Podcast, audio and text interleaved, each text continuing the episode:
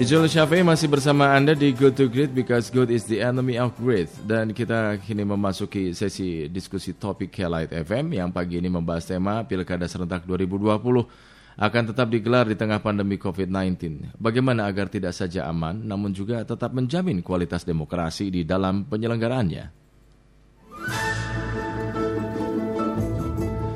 Pemerintah dan KPU akan tetap menggelar pilkada ya serentak 2020 9 Desember nanti. Pemerintah memastikan tahapan pilkada di tengah pandemi corona ini tetap mengedepankan protokol kesehatan. Nah, tahapan akan tahapan awal ini akan dimulai pada pertengahan Juni sekarang ini. Beberapa tahapan penting seperti pembentukan dan pelatihan panitia pemilihan kecamatan PPK, kemudian panitia pemungutan suara PPS akan dilakukan secara berjenjang dan virtual. Nantinya para petugas ini akan mendatangi rumah pemilih dengan APD ya, alat pelindung diri gitu kan, untuk melakukan pemuktahiran data. Selain itu juga ada normal baru yang akan diterapkan, yaitu peserta kampanye jumlahnya akan dibatasi hanya 20 orang saja, nggak boleh lebih. Khusus daerah yang masuk zona merah, uh, corona, petugas akan menggunakan APD, masker, dan juga sarung tangan. Nah, sejumlah kalangan menilai pemerintah dan KPU terlalu memaksakan kalau tetap menggelar pilkada serentak tahun ini. Kenapa? Uh, sebab saat ini Indonesia termasuk yang masih dihadapkan pada situasi pandemi corona yang setiap hari kasusnya semakin bertambah. Sekarang saja sudah 32 ribu sekian ya. Lantas ketika pilkada serentak 2020 ini akan tetap digelar pandemi uh, corona, bagaimana supaya tidak saja aman bagi rakyat tapi juga tetap menjamin kualitas dan mutu demokrasi di uh, dalam penyelenggarannya. Nah, pilkada di tengah ancaman wabah corona juga bagaimana mengantisipasi minimnya tingkat partisipasi. Untuk menjawab pertanyaan-pertanyaan tadi kita akan mendengarkan uh, pemikiran narasumber kita yaitu Profesor Siti Zuhro, peneliti senior Pusat Penelitian Politik LIPI. Assalamualaikum warahmatullahi wabarakatuh. Selamat pagi, Prof. Ya, Waalaikumsalam warahmatullahi wabarakatuh. Selamat pagi Kang Ijo, apa kabar? Minal izin wal faizin. Mohon maaf lahir batin, sami-sami Prof Siti Zuro. Sehat terus ya Prof. Insya Allah. Insya Allah, amin, Allahumma amin. Prof, ini kan pemerintah KPU akan uh, tetap ya menggelar pilkada tahun ini, 9 ya. Desember 2020. Gimana tanggapan Anda, Prof? Iya, ini kita di fit kompli ya. Masyarakat di fit kompli tidak hanya nanti dalam pilkada serentak langsung yang notabene kan setiap pilkada serentak seperti itu Eh, pilihan-pilihan uh, itu kan bukan oleh rakyat, tidak bottom up gitu ya. Mm-hmm. Partai maupun koalisi partai yang akan menyuguhkan, menyorongkan, mempromosikan, gitu kan, yeah, menawarkan yeah. pasangan calonnya kan betul, itu. Betul betul. Uh, jadi rakyat memilih saja. Nah mm-hmm. sekarang ditambah oleh fenomena COVID-19. Mm-hmm, mm-hmm. Harus seperti apa sikap kita? Yeah. Kan kita sudah memasuki pola hidup baru. Mm-hmm gaya hidup baru yang tidak harus ketemu, tidak harus bertatap muka, hmm. cukup melalui HP, WA, virtual, webinar, diskusi, yeah. meetingnya juga melalui virtual, online dan sebagainya. Nah, yeah. sementara yang namanya pilkada itu tidak mungkin dilakukan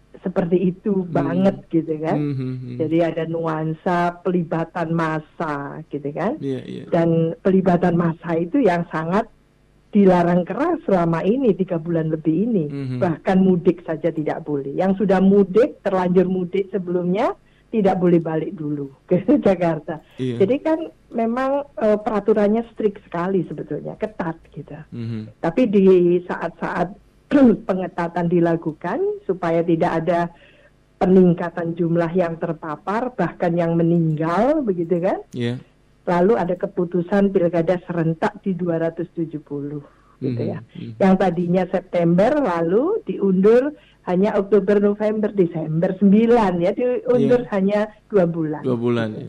Hmm, Jadi yeah. apakah ini sudah didasarkan atas pertimbangan yang betul-betul matang dengan me, apa, menghitung gitu ya dampak-dampak negatifnya. Hmm. Jangan positif saja. Hmm. Kalau di uh, apa petakan di situ gitu ya, setelah yeah. dihitung uh, dampak positif dan dampak negatif meskipun ada studi komparasi gitu ya bahwa negara-negara lain juga melakukan pemilu dan sebagainya. Ini Indonesia gitu.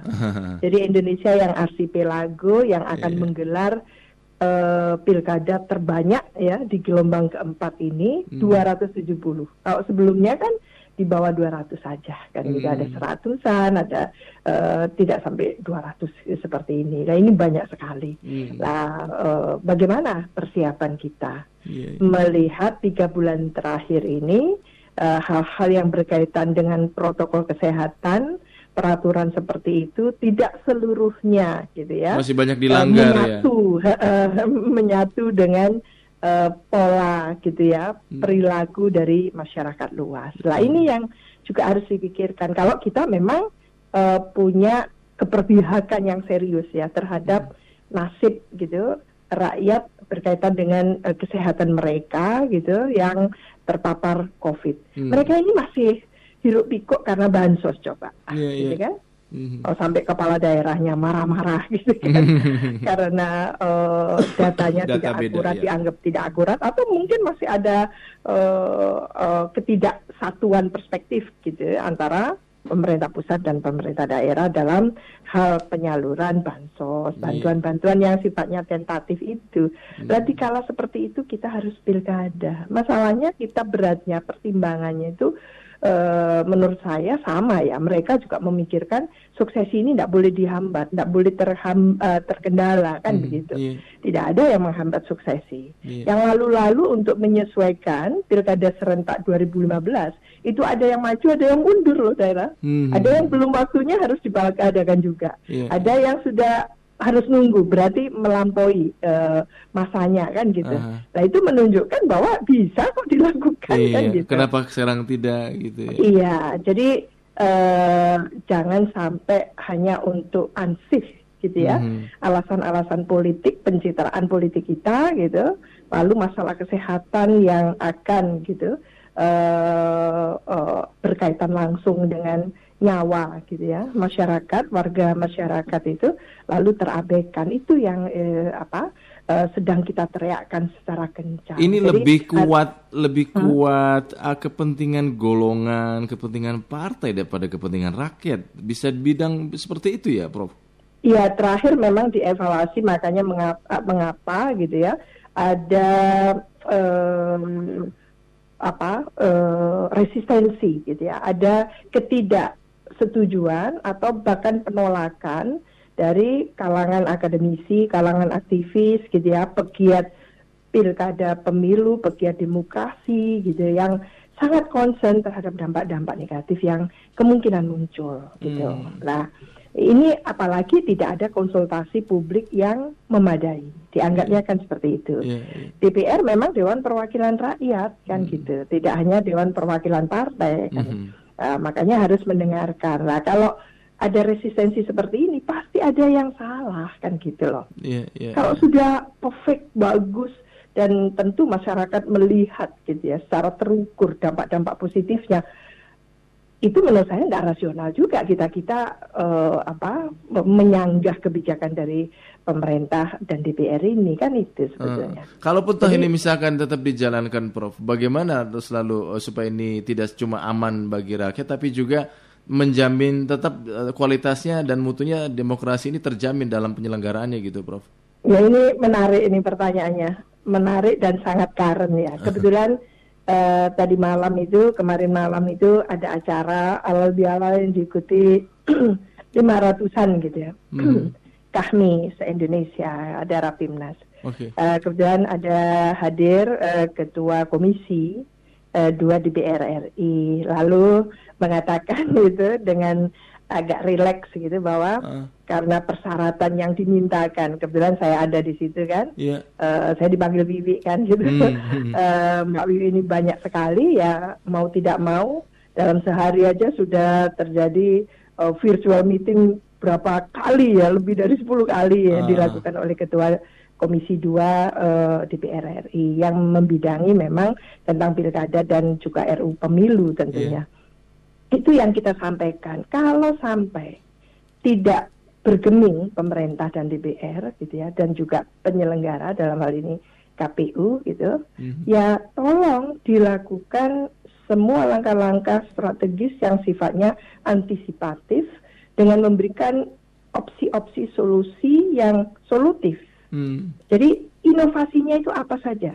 Apa yang harus dilakukan oleh partai politik? Saya bilang gitu kan. Yeah. Jadi sebagai peserta pilkada, hmm. apa yang harus dilakukan oleh penyelenggara dalam hal ini pilkada itu adalah KPU, KPU. baik provinsi, eh, baik pusat, provinsi, kabupaten, kota, hmm. demikian juga Bawaslu-nya dengan semua jajarannya, gitu ya, yeah. dan DKPP sebagai hmm. uh, apa uh, uh, badan yang etik ya yang mengawasi itu. Nah ini yang kita harapkan. Jadi Bawaslu sebetulnya punya tupoksi yang uh, menurut saya signifikan karena dialah institusi yang melakukan pengawasan dan pencegahan yeah, yeah. terhadap kemungkinan atau kecenderungan perilaku distortif, pelanggaran hukum, hmm. mengalahkan semua cara gitu kan. Yeah, yeah. Jadi tadi Kang Ijo mengatakan bahwa target atau katakan uh, uh, maksud dan tujuan dari pilkada serentak seperti ini kan tidak lain tidak bukan buk, uh, tidak hanya suksesi kepemimpinan di daerah yeah, kan gitu, yeah. tapi juga terkait langsung dengan bagaimana meningkatkan kualitas demokrasi daerah, Betul. demokrasi lokal kan itu. Yeah. Kalau dua hal penting ini tidak menjanjikan bakal terwujudnya gitu nanti, lantas pertanyaan kritisnya adalah untuk apa kita melakukan pilkada 9 Desember yang terkesan kita paksakan juga yeah. dalam yeah. kondisi yang SOS kita ini kan gitu ya yeah, yeah. dalam hal kesehatan uh, memang kan kita tidak boleh paranoid terhadap uh, eh, COVID-19 tapi kita tidak boleh trader juga ceroboh juga mm-hmm. gitu ya ignorant juga kan gitu mm-hmm. sehingga pertimbangan itu betul-betul harus gitu ya dari semua sisi dan uh, sudah bisa dipetakan sedemikian rupa bahwa dampaknya uh, uh, tidak akan um, apa menambah gitu ya jumlah warga masyarakat yang terpapar kan itu yeah. di 270 itu saya bilang tolong dipetakan dulu dia masuk zona hitam zona merah atau zona hijau hmm. apa treatment terhadap zona hitam saya bilang gitu tidak hmm. bisa menggeneralisasi tidak satu paket penyeragaman yeah, yeah. Uh, pelaksanaan uh, untuk protokol kesehatan tidak hmm. bisa seperti itu Pasti ini akan kita berbeda. sudah membaca Kang hmm. Ijo bahwa PPK dan BPS lockdown uh, apa di daerah Cianjur gitu yeah, yeah. kan pelaksanaan pilkada ter bisa terancam kan gitu mm-hmm. uh, tahapan itu uh, terhambat ya dalam uh, sejarah uh, katakan pengalaman empirik uh, pilkada sejak 2005 hmm. yang lalu ini kan sudah 1.500an Kang Ijo yeah, yeah. Uh, di provinsi kabupaten kota itu berarti kan ada daerah yang sudah lebih dari dua kali melakukan gitu. Yeah, yeah. Nah, uh, uh, apa uh, ini kita masukan-masukan pemikiran kita itu adalah uh, jangan sampai kan prerequisite. Yeah. Jadi setiap tahapan itu prerequisite Kang Ijo. Hmm. Jadi kalau tahapan ini nggak bisa, tahapan selanjutnya nggak bisa dilanjut kan betul, gitu. Betul, ya, ya. Lah ini bagaimana gitu. Dan tidak ada COVID pun yang lalu-lalu itu Kang Ijo, hmm. selalu ada uh, extension gitu ya. hmm. ya. Ada perpanjangan dari yeah, yeah. jadwal deadlock uh, deadline-nya itu. Betul. Katakan deadline-nya besok uh-huh. gitu. Oh ternyata belum ada dari partai belum menyerahkan. Selalu saja molor gitu ya. Ah itu dia. Hmm. Sekali molor tahapan semua molor yeah. kan gitu. Yeah, yeah. Jadi uh, di Indonesia ini memang gayanya tidak pernah uh, bisa melakukan sesuatu dengan perencanaan yang matang, hmm. disosialisasikan secara proper, matang, hmm. sehingga transfer knowledge itu cukup dengan stakeholders uh, terkait pilkada, lalu masyarakatnya demikian, lalu bisa tancap gitu, yeah. langsung dilakukan pilkada kan itu. Yeah, iya, ya, tahapan-tahapan itu tidak kita lakukan, jadi kita sempoyongan sebetulnya Kang Ijo. ketika selesai ketika, ketika ini COVID-19 sudah harus iya. melangkah gitu ya. Ada new normal, ada pilkada, ah. nanti apalagi kan gitu. Nah dengan kondisi seperti sekarang ini, apa saja sebetulnya potensi ancaman atau konsekuensi terburuk lah ya, Prof ya, kalau pilkada ini ya. di, tetap digelar di tengah pandemi ini, Prof? Iya, ini bagus Kang Ijo. Jadi ambil saja satu variabel Kang Ijo. Hmm. Variabel demokrasi itu yang esensialnya itu kan tiga partisipasi, kontestasi, representasi, gitu ya. Yeah. Uh, kita ambil satu saja, partisipasi. Bisa nggak kita tanya? Kita lakukan jajak pendapat yang simple saja. Di daerah mungkin diambil random 270 daerah. Hmm. Kira-kira kita tanyakan masyarakat, asik tidak melakukan pilkada dalam hmm. keadaan sekarang. Hmm. Mereka ini sedang memikirkan nasibnya berkaitan dengan ekonomi mereka, Kang Ijo. Iya. Yeah. Iya, itu kan mm-hmm. dalam keadaan lesu mm-hmm. apa ya, uh, tidak punya uh, tidak ada aktivitas yang signifikan selama tiga bulan terakhir ini, gitu ya. Yeah. Yang kuliner juga bangkrut, mm-hmm. yang pengusahanya juga uh, tentu tidak prospektif, merasanya uh, banyak rugi dan sebagainya. Hmm. Nah, dalam keadaan yang seperti itu, lalu dihadapkan pada hiruk pikuknya politik kan gitu. Hmm. Antusias nggak kira kira-kira mereka? Iya, yeah, akan. Bagaimana nih mulai itu? Hmm. Jadi kita coba uh, mengukur gitu ya satu kebijakan itu dari usernya gitu. Hmm. Hmm. Hmm. Kalau usernya sama satu perspektif dengan kita berhasil berarti yeah. Ya. uh, semua analisis analisis kita, antisipasi kita dan sebagainya. Atau mungkin memanfaatkan momen ini, Prof, sehingga misalkan contoh Uh, ini kan lagi masyarakat lebih banyak membutuhkan bantuan. Ah, momen yang tepat nih ngasih bantuan gitu. Iya. kan belum lama ini juga ada kepala daerah yang memanfaatkan bansos gitu. iya.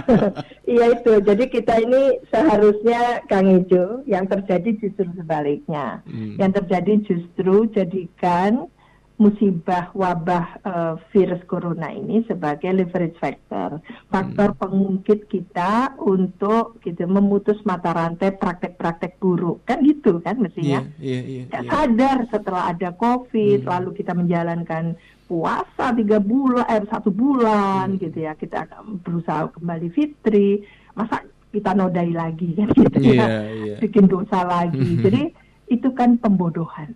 Yeah bahwa politik pencitraan gitu ya hmm. oh yang dominan gitu hmm. sampai lebay seperti itu apalagi menggunakan yang bukan uh, tentu peruntukannya yeah. ini kan betul-betul dosa yeah. dilarang gitu yeah. Yeah. Uh, justru sekarang ini adalah kita saatnya bagaimana menyaksikan masyarakat pemilih yang cerdas yang kritis juga calon pemimpin daerah yang berintegritas kan gitu. Betul. Jualannya itu integritas bukan menghalalkan hmm. cara yeah. gitu, bukan sifat-sifat maksivelian gitu. Hmm. Nah ini yang uh, menjadi uh, sebetulnya concern gitu ya para akademisi, para profesional gitu ya yang mengharapkan ada uh, paradigma yang berubah gitu dari kita semua. Yeah. Kita sudah sudah enough is enough, cukup gitu ya. Hmm. Praktek-praktek buruk yang sudah terjadi baik di pemilu nasional bahkan pemilu serentak 2019 lalu juga ditambahkan dengan pengalaman empirik yang tidak seluruhnya positif, mungkin sedikit positifnya, tapi negatifnya luar biasa. Hmm. Praktek-praktek uh, di pilkada itu yang silang sengkarut yang ujung-ujungnya ada pertikaian, iya. sengketa yeah. pilkada dan bahkan ada UTT-UTT yang uh. setiap minggu ada UTT. Gitu Berarti kan? Prof ini kalau misalkan kita melihat dari kondisi seperti sekarang, kemudian tingkat partisipasi